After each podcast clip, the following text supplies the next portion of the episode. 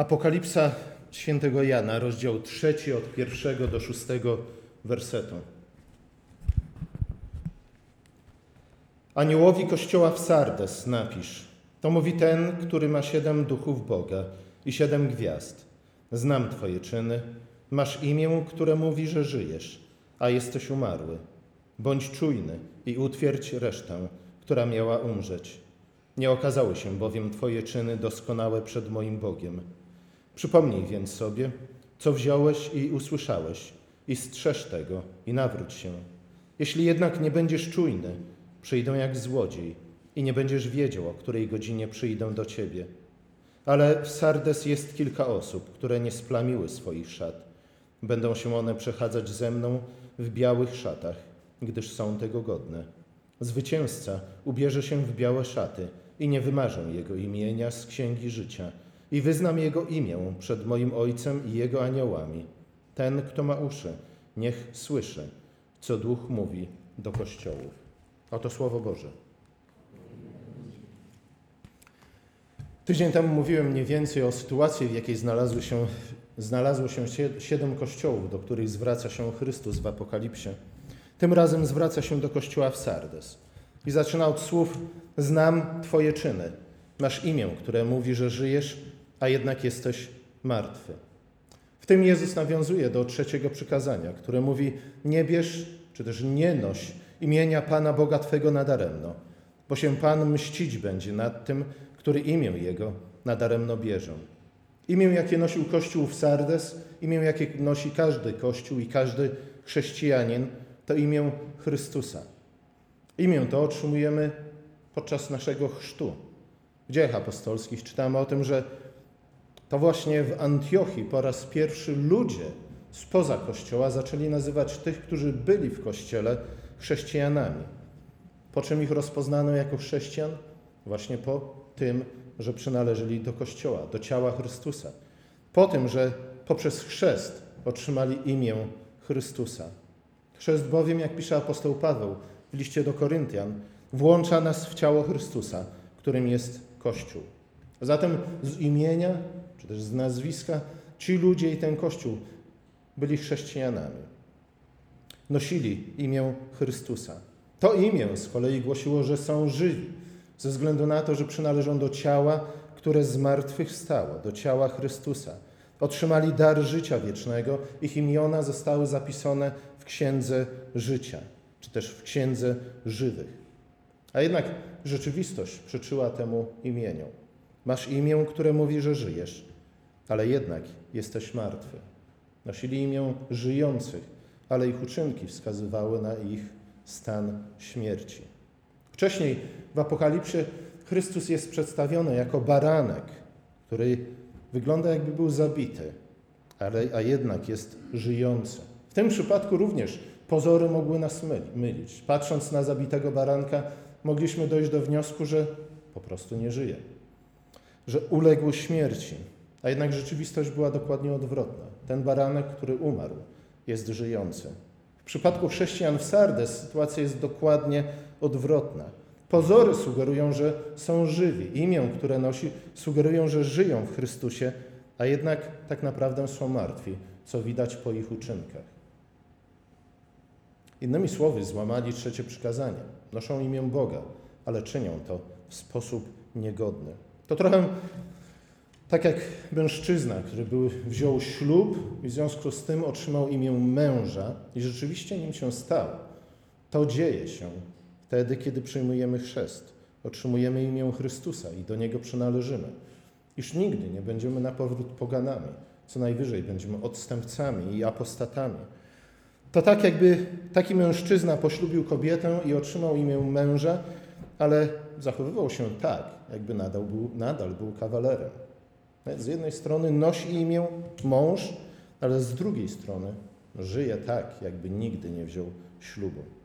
Chrześcijanin nosi imię Chrystusa, tym samym przynależy do Jego ciała, a zatem jest częścią Chrystusa.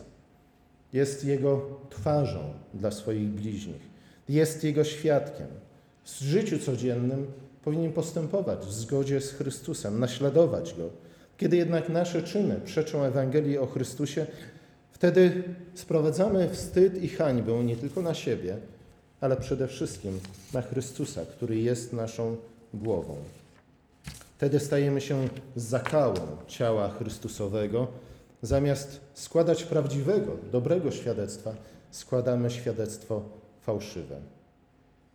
Jezus grozi więc Kościołowi w Sardes i znów grozi jako miłujący ojciec, a zatem macha palcem, przestrzega i mówi: Chłopaki, nie idźcie dalej tą drogą, bo wiecie, w jaki sposób to wszystko się skończy. Idźcie raczej tą drogą, którą dla was wyznaczyłem.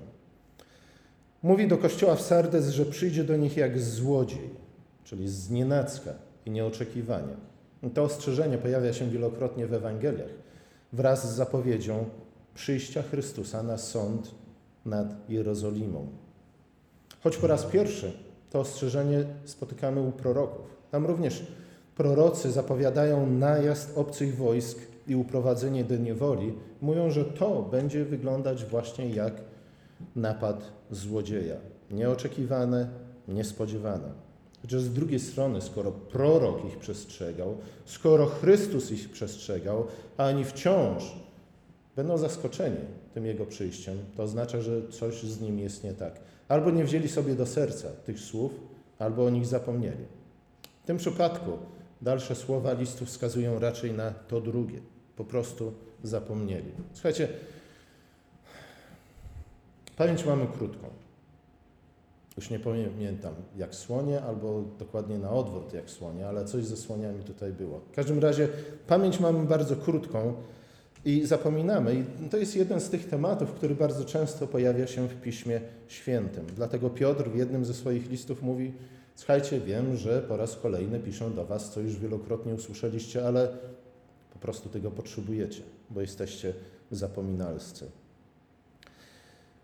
Nieprzygotowany kościół w Sardes może podzielić los tych, którzy są zaskoczeni przyjściem Chrystusa, czy też spotkaniem z Chrystusem. Słuchajcie, kto był pierwszą osobą, która była zaskoczona spotkaniem z Bogiem w Piśmie Świętym? Adam. Nie? W powiewie poranka przyszedł do niego Pan Bóg i Adam był bardzo zaskoczony tym, że spotkał w ogrodzie, który Bóg za, zasadził i który dał człowiekowi jako mieszkanie, że spotkał tam Pana Boga. Przez swoje zaskoczenie zaczyna gadać głupoty. Tak bardzo często się dzieje, jeśli coś nas zaskakuje, a tym bardziej, jeśli zaskakuje nasze spotkanie z Bogiem. Podobnie było w przypadku niejakiego Baltazara, czy też Belszazara, który, pamiętacie, był imperatorem, cesarzem w Babilonie. Urządził ucztę na którą sprowadził naczynia świątynne z Jerozolimy, cieszył się, bawił się i myślał, no teraz to sobie pożyję. Całkiem jak ten człowiek z przypowieści Jezusa, który na swoje nieszczęście zebrał bardzo obfite plony. Tej samej nocy Baltazar umarł, a Cyrus przeprowadził inwazję na jego imperium. Również Baltazar poczuł się bezpieczny w swoim bogactwie i w swojej mocy, także nie zauważył śmiertelnego niebezpieczeństwa zakradającego się do jego domu i do jego imperium.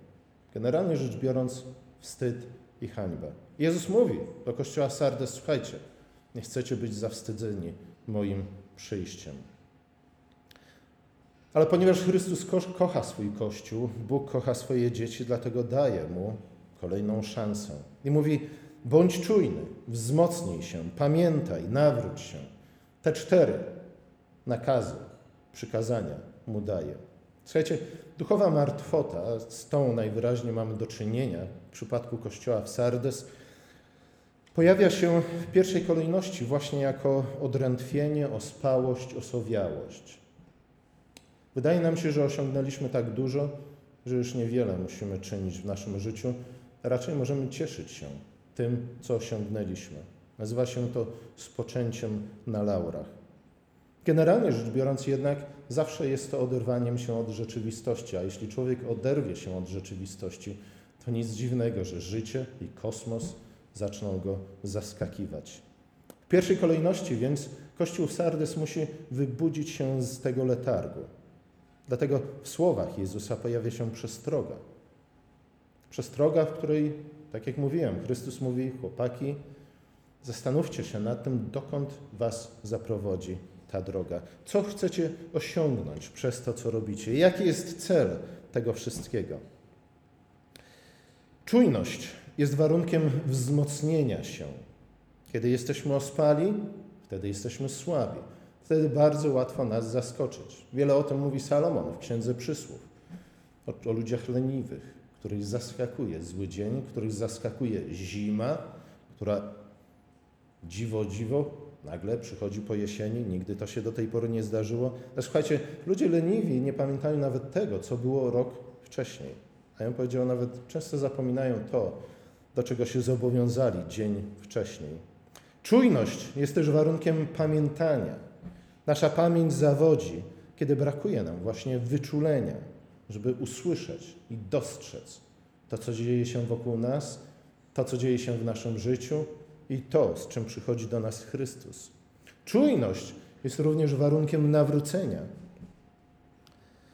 Nie możemy się nawrócić, jeśli nie dostrzeżemy naszych błędów naszych grzechów. Jeśli nie będziemy czujni, to będziemy najprawdopodobniej bardzo pobłażliwi w stosunku do siebie. Do siebie, nie do innych. W tej części listu na, na pierwszy plan wysuwają się słowa przypomnij sobie. Pismo wielokrotnie, jak mówiłem, wskazuje na problemy, jakie mamy z pamięcią. Uczymy się i zapominamy. A nawrócenie jest przypomnieniem sobie właśnie tego, co kiedyś wiedzieliśmy, co kiedyś usłyszeliśmy, ale o czym już zapomnieliśmy. Albo może co wyparliśmy z naszego umysłu ze względu na to, że albo wydawało nam się niewygodne, albo wydawało nam się nieużyteczne. Nawrócenie jest przemianą umysłu, gdyż polega między innymi na powróceniu, wróceniu pamięcią do tego, co z niej wyparliśmy. Kościół Sardes, a zwłaszcza jego pasterz, ponieważ on jest aniołem kościoła w Sardes, o którym czytamy w wersecie pierwszym, musi przypomnieć sobie w związku z tym w pierwszej kolejności o czym? A właśnie o przymierzu, którego znakiem i pieczęcią jest chrzest. Pamięć doprowadzi, doprowadzi go do nawrócenia, daj Boże, a tym samym doprowadzi go do duchowego zmartwychwstania wywiedzi rzeczy, rzeczy ważne, istotne, lecz wyparte z pamięci. Wtedy Kościół Sardes znów zacznie wydawać owoce godne nawrócenia i godne pokuty. Inaczej będziesz żyć w zgodzie z imieniem, jakie otrzymał w dniu chrztu, imieniem, które nosi, imieniem Chrystusa. To warto zwrócić uwagę na to, jaki jest główny zarzut Chrystusa taki już bardziej konkretny pod adresem kościoła w Sardes. A główny zarzut jest taki, iż jego czyny są niedoskonałe. Trzecie, warto się nad tym zastanowić, nie? bo często nam się wydaje, często mówimy, jako usprawiedliwienie dla naszej niedoskonałości, naszych niedoskonałych czynów, że no, jesteśmy słabi, grzeszni i w ogóle. Nie? Ale tutaj takie usprawiedliwienie w żaden sposób nie satysfakcjonuje Chrystusa. Wręcz przeciwnie, On stawia również nam taki zarzut. Twoje czyny są niedoskonałe. Bez tych doskonałych uczynków Kościół jest ospały i zmierza ku śmierci. Im dłużej zmierza ku śmierci, tym bardziej jest ospały. Sen i śmierć są synonimami w Piśmie Świętym. W jego życiu, co prawda, pojawiły się jakieś uczynki, wykiełkowało ziarno słowa, ale nie wydały dojrzałego owocu. Słuchajcie, czy sam Chrystus nie mówił, że dokładnie tego od nas oczekuje dojrzałego owocu, a nie tylko i wyłącznie zielonych kiełków. Mówi o tym w przypowieści o czworakiej roli. Dobrze jest przyjąć słowo, a słuchajcie, biada tym, którzy się na tym zatrzymają, którzy tylko i wyłącznie przyjmą słowo. Dobrze jest, jeśli słowo wykiełkuje w naszych sercach, ale biada tym, których sercach ono tylko i wyłącznie wykiełkuje. Lepiej by było, gdyby nigdy tego słowa nie przyjęli. Lepiej by było, gdyby nigdy ono nie wykiełkowało w ich sercach. Dobrze jest przyjąć słowo, dobrze jest, jeśli ono wykiełkuje, ale źle jeśli nie rozwinie się, źle, jeśli nie wyda owocu, przynajmniej trzydziestokrotnego. Słuchajcie, w taki sposób Bóg ocenia nasze uczynki. Nie po ich potencjale, nie po naszych szczerych chęciach, ale po ich dojrzałości. Ze względu na to, że koniec końców do dojrzałości jesteśmy powołani w Chrystusie. Słuchajcie, przyjmujemy chrzest i w dniu, w którym przyjmujemy chrzest, rodzimy się w jakimś sensie, w jakimś znaczeniu tego słowa na nowo. Zatem jesteśmy dziećmi, jesteśmy niemowlakami. Ale po co rodzimy się w chrzcie? Po to, aby jak czytamy w liście do Efezjan w czwartym rozdziale, abyśmy dorośli do męskiej dojrzałości Chrystusa, abyśmy już nie byli miotani lada wiatrem nauki. Zatem Chrystus oczekuje od nas tego. Po to stał się dziecięciem, po to żył, nauczał, uzdrawiał, po to umarł i zmartwychwstał, abyśmy stali się dziećmi Bożymi, ale również po to, abyśmy jako dzieci Boże stali się mężni jak Chrystus, dojrzali jak Chrystus. Mówi o tym również Piotr. Gdzie o tym mówi? Gdzieś mówi. W każdym razie mówi o tym również Piotr, kiedy, kiedy stwierdza, że po to zostaliśmy powołani, abyśmy przyjęli w końcu naturę Bożą. Abyśmy zostali w naszym charakterze, w naszym życiu, w tym, kim jesteśmy, przebóstwieni. I potem wyjaśnia, co to znaczy. I to oznacza, że mamy po prostu żyć jak ludzie dojrzali, jak ludzie odpowiedzialni, jak ludzie, którzy nie zapominają, jak ludzie, którzy jeśli coś zaczynają, to również przynajmniej dążą do tego, aby to zakończyć. A zatem w taki sposób Bóg ocenia nasze uczynki i w taki sposób Bóg ocenia nasze życie. Nie po ich potencjale, ale po ich dojrzałości. Słuchajcie, to jest trochę tak, znów jak z dziećmi. Małe dziecko, oczywiste to jest, że żyje w domu z rodzicami, ze względu na to, że inaczej nie da rady.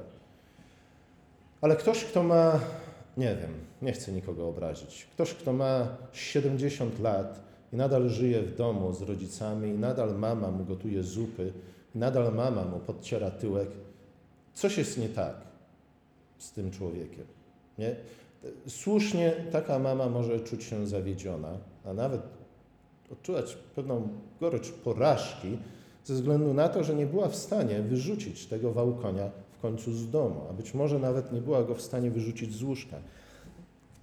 Sytuacja kościoła w Sardes przypomina trochę właśnie takiego mężczyznę, który już dawno powinien żyć na swoim, płacić za swoje rachunki, utrzymywać własną rodzinę, a nawet dzielić się tym, co ma w nadmiarze z potrzebującymi, a jednak on nadal żyje, jakby był małym dzieciątkiem.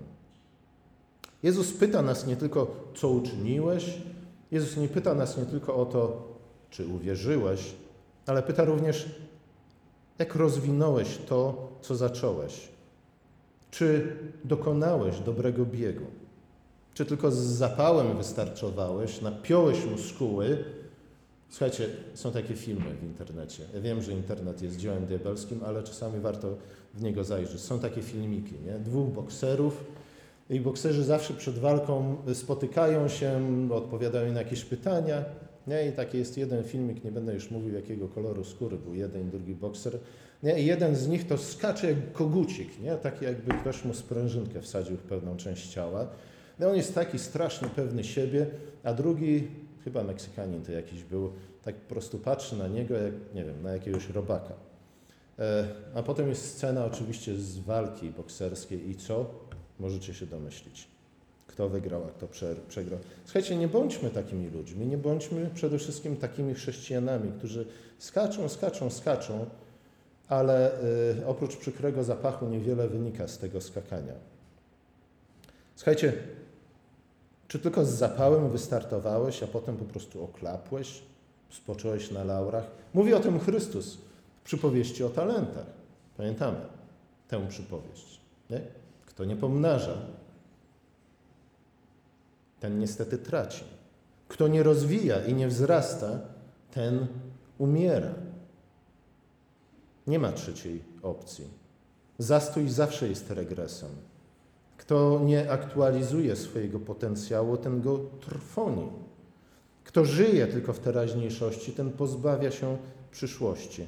Kto zaspokaja się tylko i wyłącznie tym, kim jest tu i teraz, ten nie dąży do tego, kim może się stać. W Chrystusie oczywiście, ale ja bym powiedział, to dotyczy tak naprawdę każdej sfery życia. Ten, kto spoczywa na laurach, traci nawet to, co ma. W przypowieści o talentach Jezus o tym mówi. Ten, kto ma, temu będzie dodane. Ten, kto nie ma, temu będzie odebrane. Tu nie ma trzeciej opcji. No każdy, kto myśli, że może spocząć na laurach, każdy, kto myśli, że może zadowolić się tym, co już osiągnął, czy to jako chrześcijanin, czy po prostu jako człowiek, ten prędzej czy później zacznie się z powrotem staczać w dół.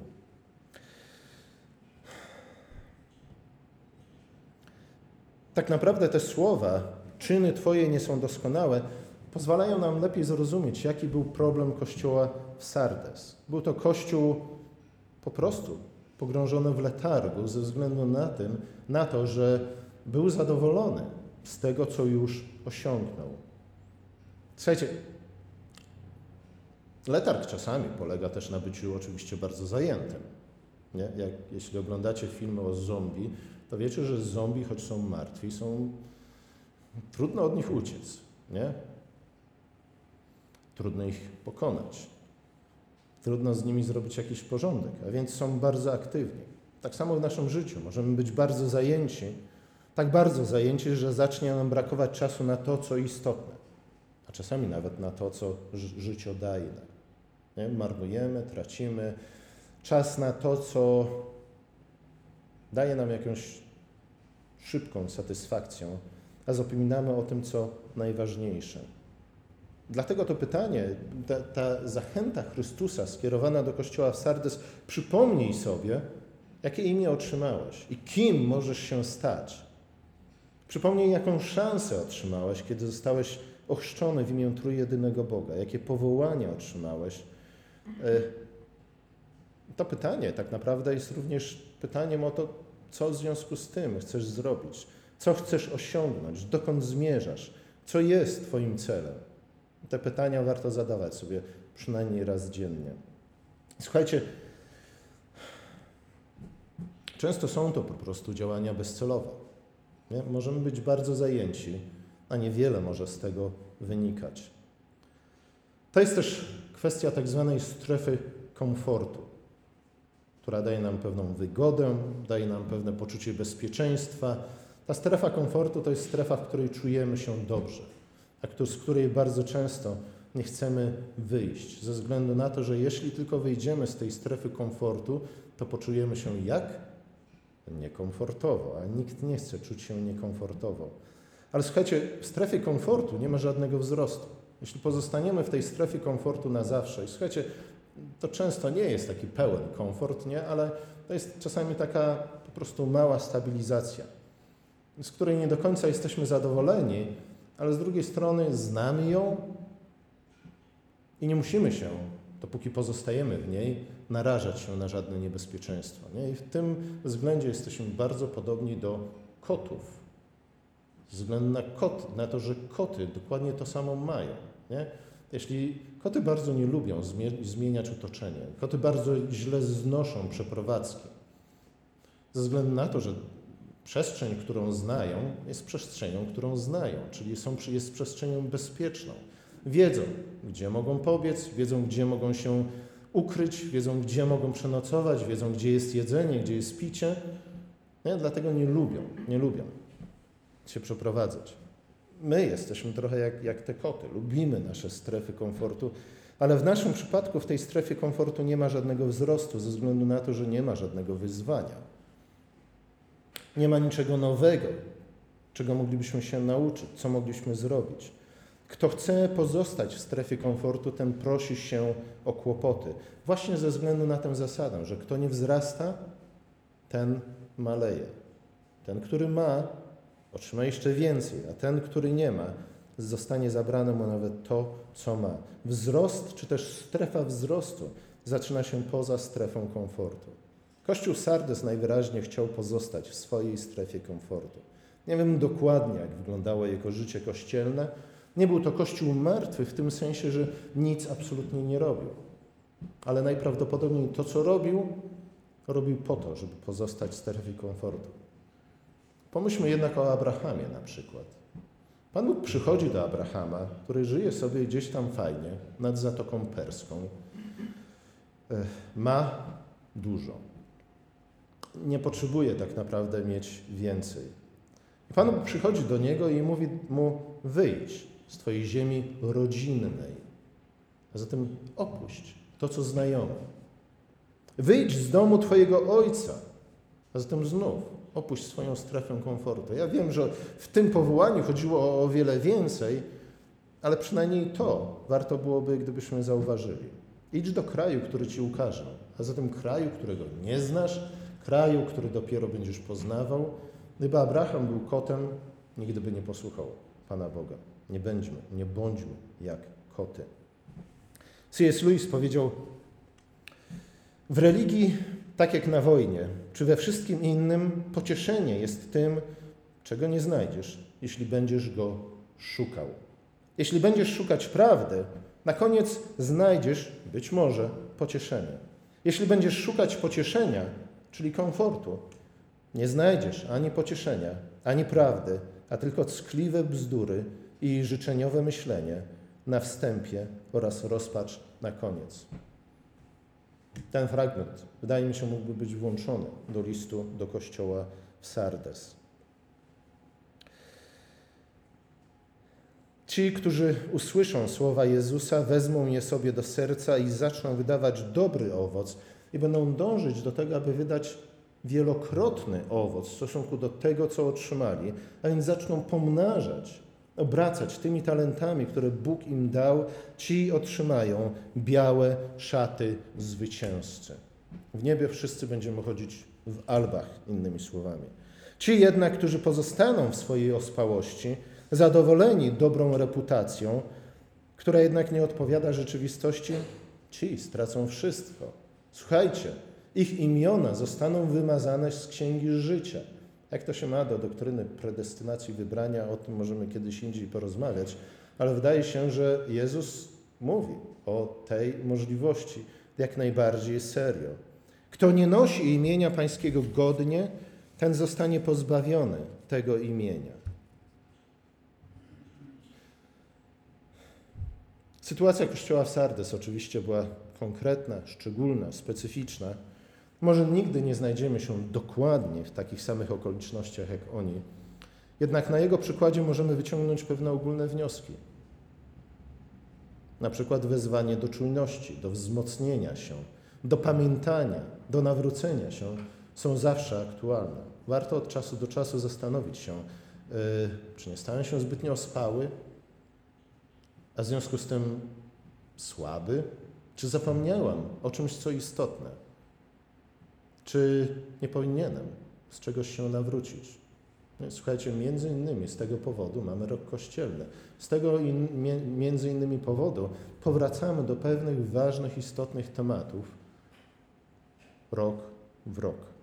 Żebyśmy nie zapomnieli, żebyśmy nie utracili naszej czujności, żebyśmy nie stali się ospali i żebyśmy w końcu nawrócili się z naszych grzechów. Jeśli to zlekceważymy, to czeka nas los tego, tej człowieka, którego, którego symbolizuje rola, której owoc został, która przyjęła Słowo Boże, a jednak jego owoc został zagłuszony. Czy to przez ucisk i prześladowania, jak w przypadku innych kościołów, do których Jezus zwraca się w Apokalipsie, czy też raczej, jak wydaje się, że było w przypadku kościoła w Sardes, przez troski doczesne i ułudę bogactwa.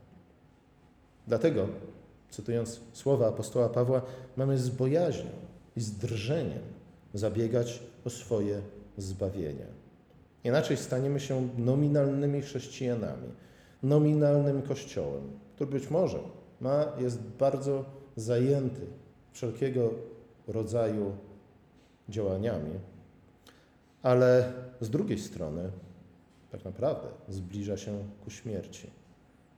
Staniemy się nominalnymi chrześcijanami, nominalnym kościołem, co już samo w sobie jest zapowiedzią upadku, a nawet elementem samego upadku. Dlatego Bądźmy czujni, wzmocnijmy się, czy też wzmacniajmy się, przypominajmy sobie to, co istotne i to, co ważne w naszym życiu. I w związku z tym również nawracajmy się do Chrystusa. Amen.